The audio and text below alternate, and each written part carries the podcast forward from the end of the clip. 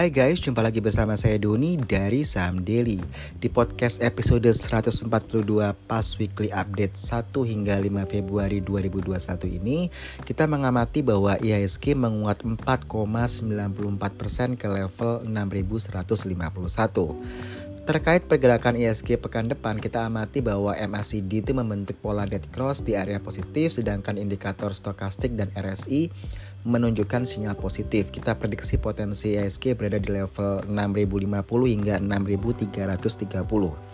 Kalaupun dia melemah mungkin di harga 5950 ya atasnya di situ. Sepanjang pekan lalu itu kita lihat bahwa saham BRPT memimpin dengan peningkatan harga saham sebesar 31,6%, disusul BBNI naik 13,5% dan urutan ketiga disusul oleh saham IMTK yang harga sahamnya naik 11,6%. Sedangkan saham FMII mengalami penurunan harga tertinggi sebesar 28,9% disusul oleh saham film FILM yang minus 27,5% dan saham Bumi yang melemah ke 11,3%. Untuk sektoral ya, untuk yang year to date kita melihat bahwa sektor yang paling lagging adalah sektor agriculture yang melemah 4,74%, lalu sektor property, real estate, building construction itu dia minus 4,57%. Disusul oleh consumer goods industry ini minus 3,68%. Sedangkan sektor yang paling leading year to date itu adalah sektor trade service trade service and investment itu naik 9,03% disusul oleh sektor basic industry dan chemical itu 8,42% uh, positif ya. Lalu sektor ketiga adalah sektor finance yang menguat 4,37%. Kalau kita lihat di DM Instagram Sam Daily kita banyak yang nanya Sam Daily itu kalau trader tipenya tipe apa? Oke. okay. Apakah agresif, moderat atau konservatif gitu ya? Ya, seperti teman-teman tahu bahwa di saham daily itu kita lebih moderat ya. Loh, trader kok moderat gitu kan ya? Ya karena selain mempertimbangkan teknikal, bandarmologi, forenmologi, sentimologi itu sendiri, kita tidak lupa mempertimbangkan faktor fundamental. Loh, trading kok ngikutin analisa fundamental juga untuk apa begitu kan? Nah, ini yang sering dilupakan oleh teman-teman ya bahwa trading itu nggak harus melupakan fundamental suatu perusahaan. Karena trader biasanya kan ya udah kalau trader ya udah bandarmologi aja technical gitu ya forenmologi sentimologi yang dipakai. Fundamental kita lupakan lah yang penting cuan begitu ya. Tapi kalau kita mau uh, lebih hati-hati ya. Maka kita bilang kita lebih moderat. Itu karena apa? Kita nggak cuman mikirin cuan instannya ya. Uh, pokoknya pengen cuan cuan cuan cuan gitu.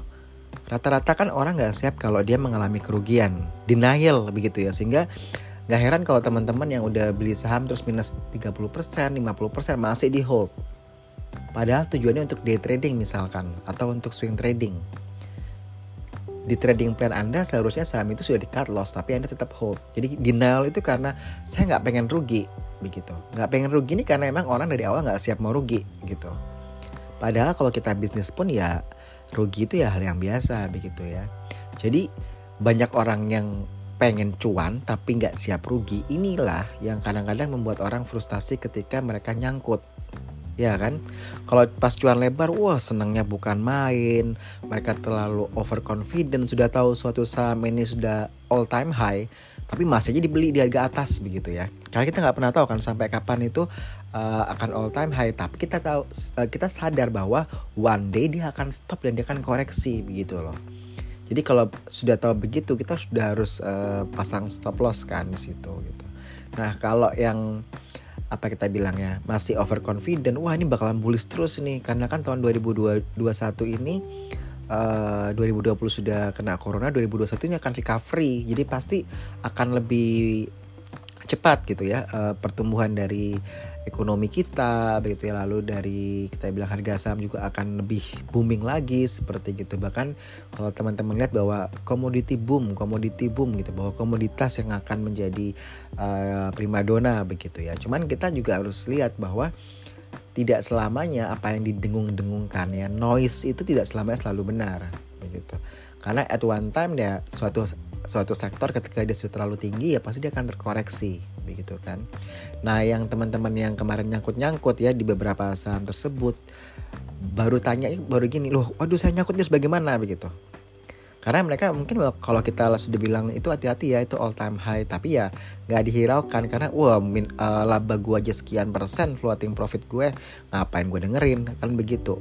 Tapi kepanikan ini terjadi ya itu tadi karena memang mereka punya cuan-cuan cuan-cuan nggak mau siap rugi gitu ya. Seandainya mereka memilih saham-saham yang mereka tahu company profilnya, fundamentalnya bagaimana. Jadi istilahnya kalau mereka mau meluangkan sedikit waktu aja untuk membaca fundamental suatu saham, harusnya mereka tidak akan terlalu uh, panik ya.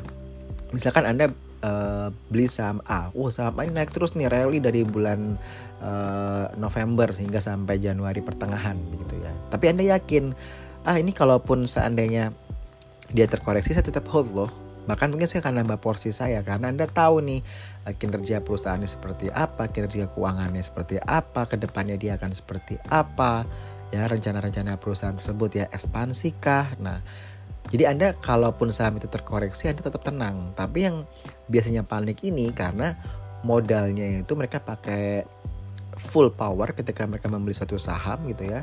Mereka keluar beli keluar beli gitu ya. Uh, setelah itu kan kayak ada greedy-nya begitu. Sehingga mereka wah ketika harga saham udah naik naik naik naiknya kita bilang udah wah ini secara evaluasi udah nggak nggak wajar nih. Tapi mereka masih melakukan pembelian. Nah ketika nyangkut baru mereka panik seperti itu. Jadi ya kita tahu ya kebanyakan trader tuh lebih suka beli saham yang murah Iya murah gitu kan karena dengan dana yang sama dapat membeli saham dengan lot yang lebih banyak kan. Apakah itu salah? nggak salah sih. Tapi kita harus perhatikan saham ini murah secara apa. Apakah murah secara teknikal, murah secara valuasi, atau murah karena harga sahamnya lebih terjangkau, lebih affordable untuk dibeli. Misal harga saham A harganya seribu rupiah per lembar saham dibandingkan membeli saham B yang harga per lembar sahamnya misalkan sembilan ribu rupiah per lembar saham, ya kan? Jadi itu banyak sekali hal yang bisa dipertimbangkan ketika kita sebagai trader ya itu membeli suatu saham. Jadi uh, ketika waktu itu saya sempat uh, sharing ke beberapa orang ya yang ikut training dan mereka rata karena mereka trader ya keberatan gitu ngapain uh, harus uh, belajar fundamentalnya ya? Kenapa kita harus lirik fundamental perusahaan tersebut? Saya bilang se sebenarnya kalau screening fundamental doang ya cukup baca RTI itu mungkin cuma lima menit aja anda bisa simpulkan secara cepat ya. Ketika anda mau melakukan melakukan day trading misalkan ya kan? Walaupun memang tekniknya lebih lebih dominan begitu. Mungkin fundamentalnya cuma 20% gitu ya. Tapi itu penting sih gitu. Karena sometimes kalau marketnya tidak bersahabat dengan kita dan kita nyangkut atau kita telat keluar begitu ya lupa pasang cut loss begitu ya nyangkutnya itu mungkin oke okay, saya akan tunggu sampai satu tahun depan. Kita kan bisa belajar seasonality-nya suatu saham ya. Oh saham ini selalu rebound menguat di bulan ini bulan ini.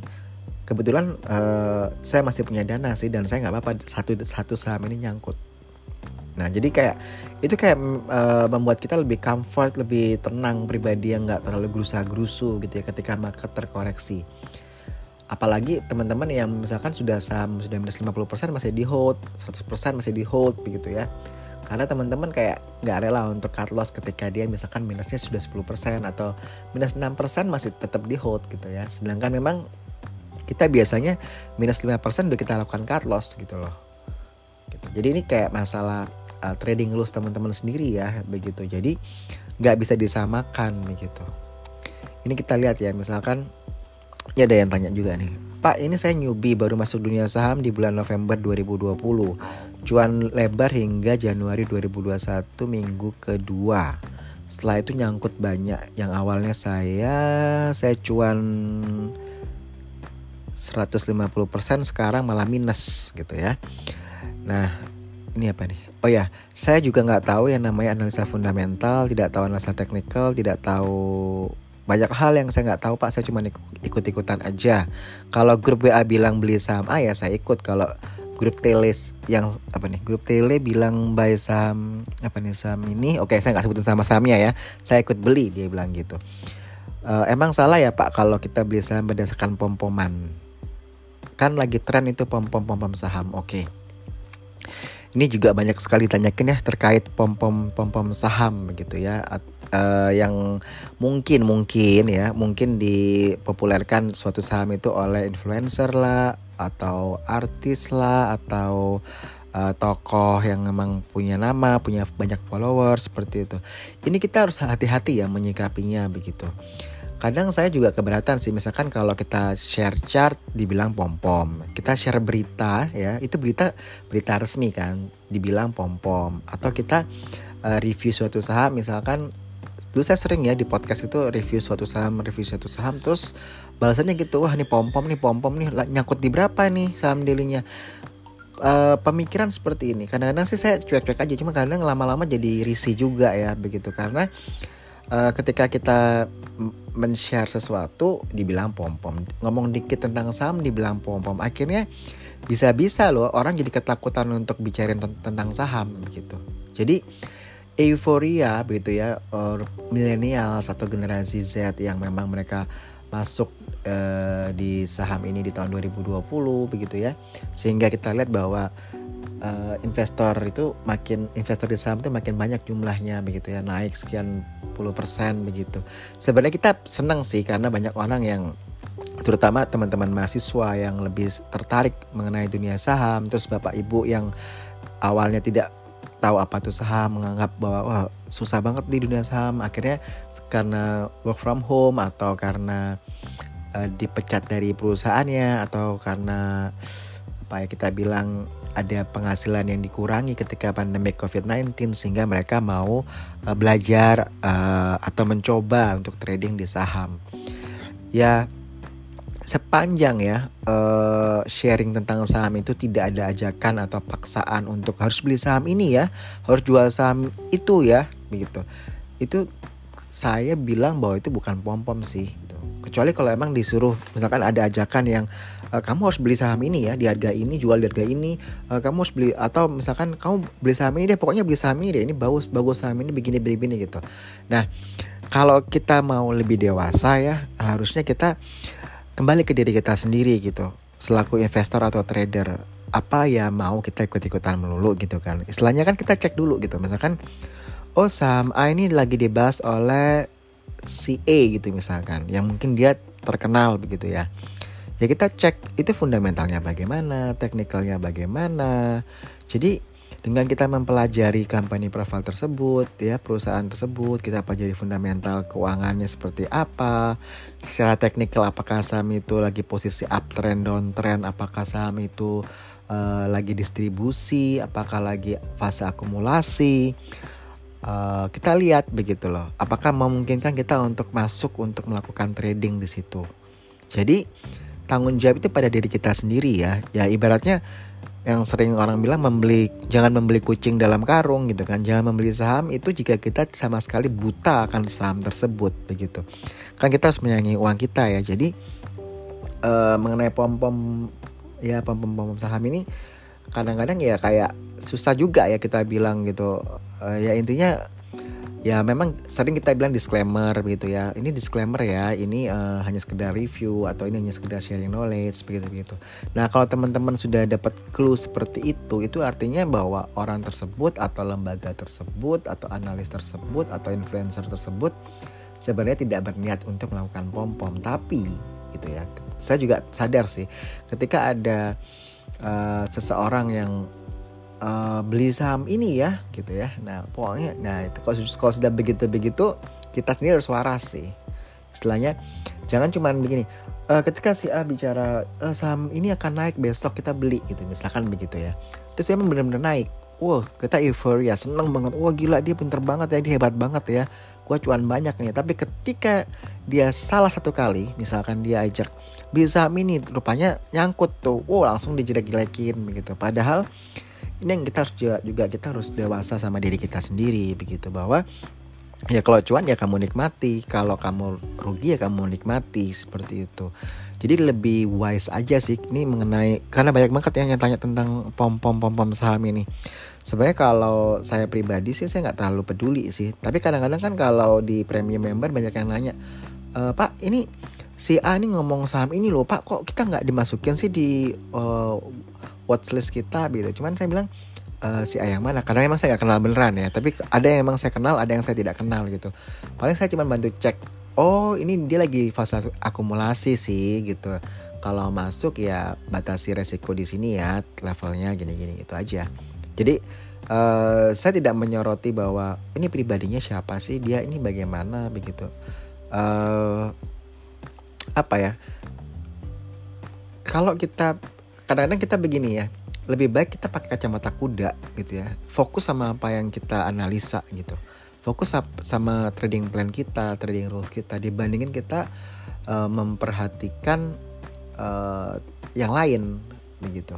Jadi kadang kalau ke trading ya saya tahu kadang-kadang uh, oh sahamnya lagi naik loh kok nggak dikasih info gitu. Padahal sebenarnya kita uh, fokus dulu bisa nggak ya sama yang apa hasil analisa kita semalam gitu. Jadi itu kayak kita tahu ada saham yang menggoda di luar begitu ketika tradingnya. Di luar yang kita watchlist kita. Tapi di situ kita melatih diri kita bahwa hey come on kamu sudah analisa suatu saham kamu udah buat trading plannya ya udah kamu fokus sama itu begitu.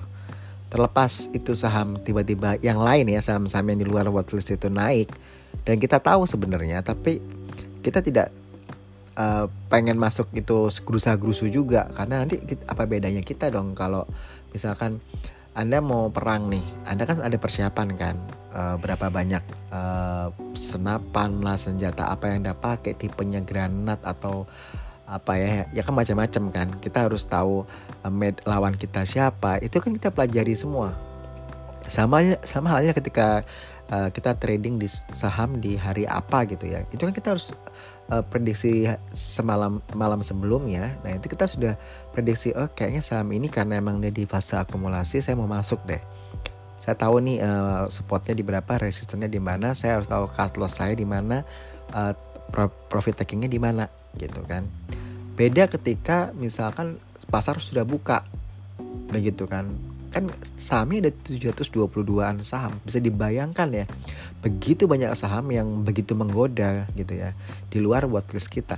Kalau yang di watchlist kita lagi memang performnya nggak bagus hari itu ya sudah nggak apa-apa gitu.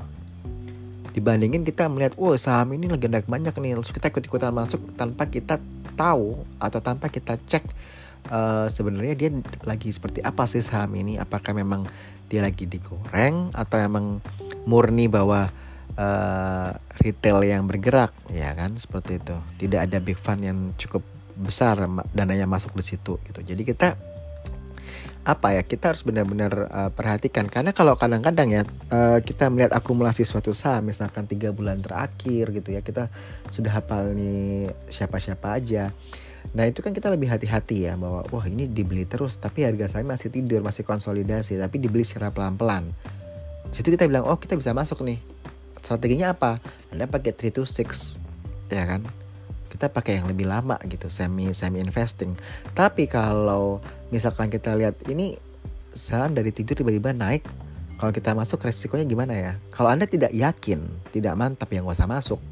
Even itu kalau anda trading kan running trade nya itu posisinya suatu saham yang paling tinggi itu dia rank rank pertama, rank kedua, rank ketiga gitu. Tapi kita nggak tahu bener bahwa ini siapa aja sih yang koleksi ini?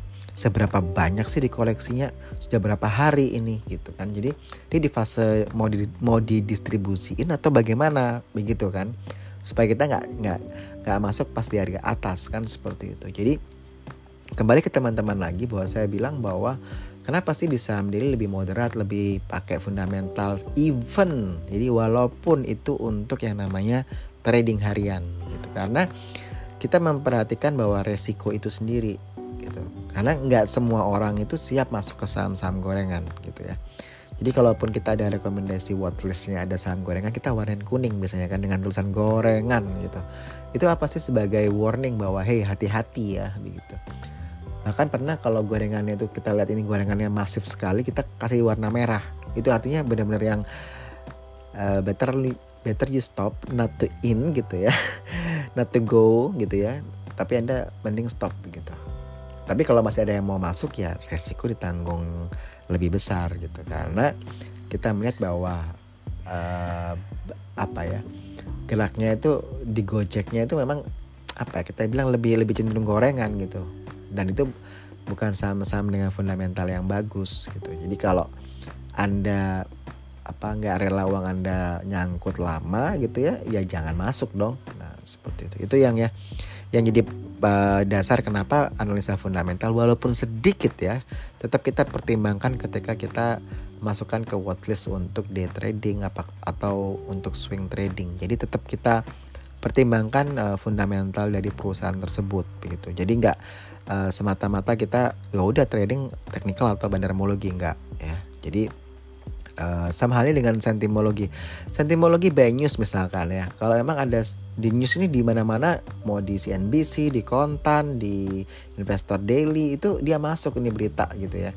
Tentang suatu saham A ya udah cek dulu tuh teknikalnya bagaimana, fundamentalnya bagaimana, uh, bandarmologinya bagaimana, forenmologinya bagaimana.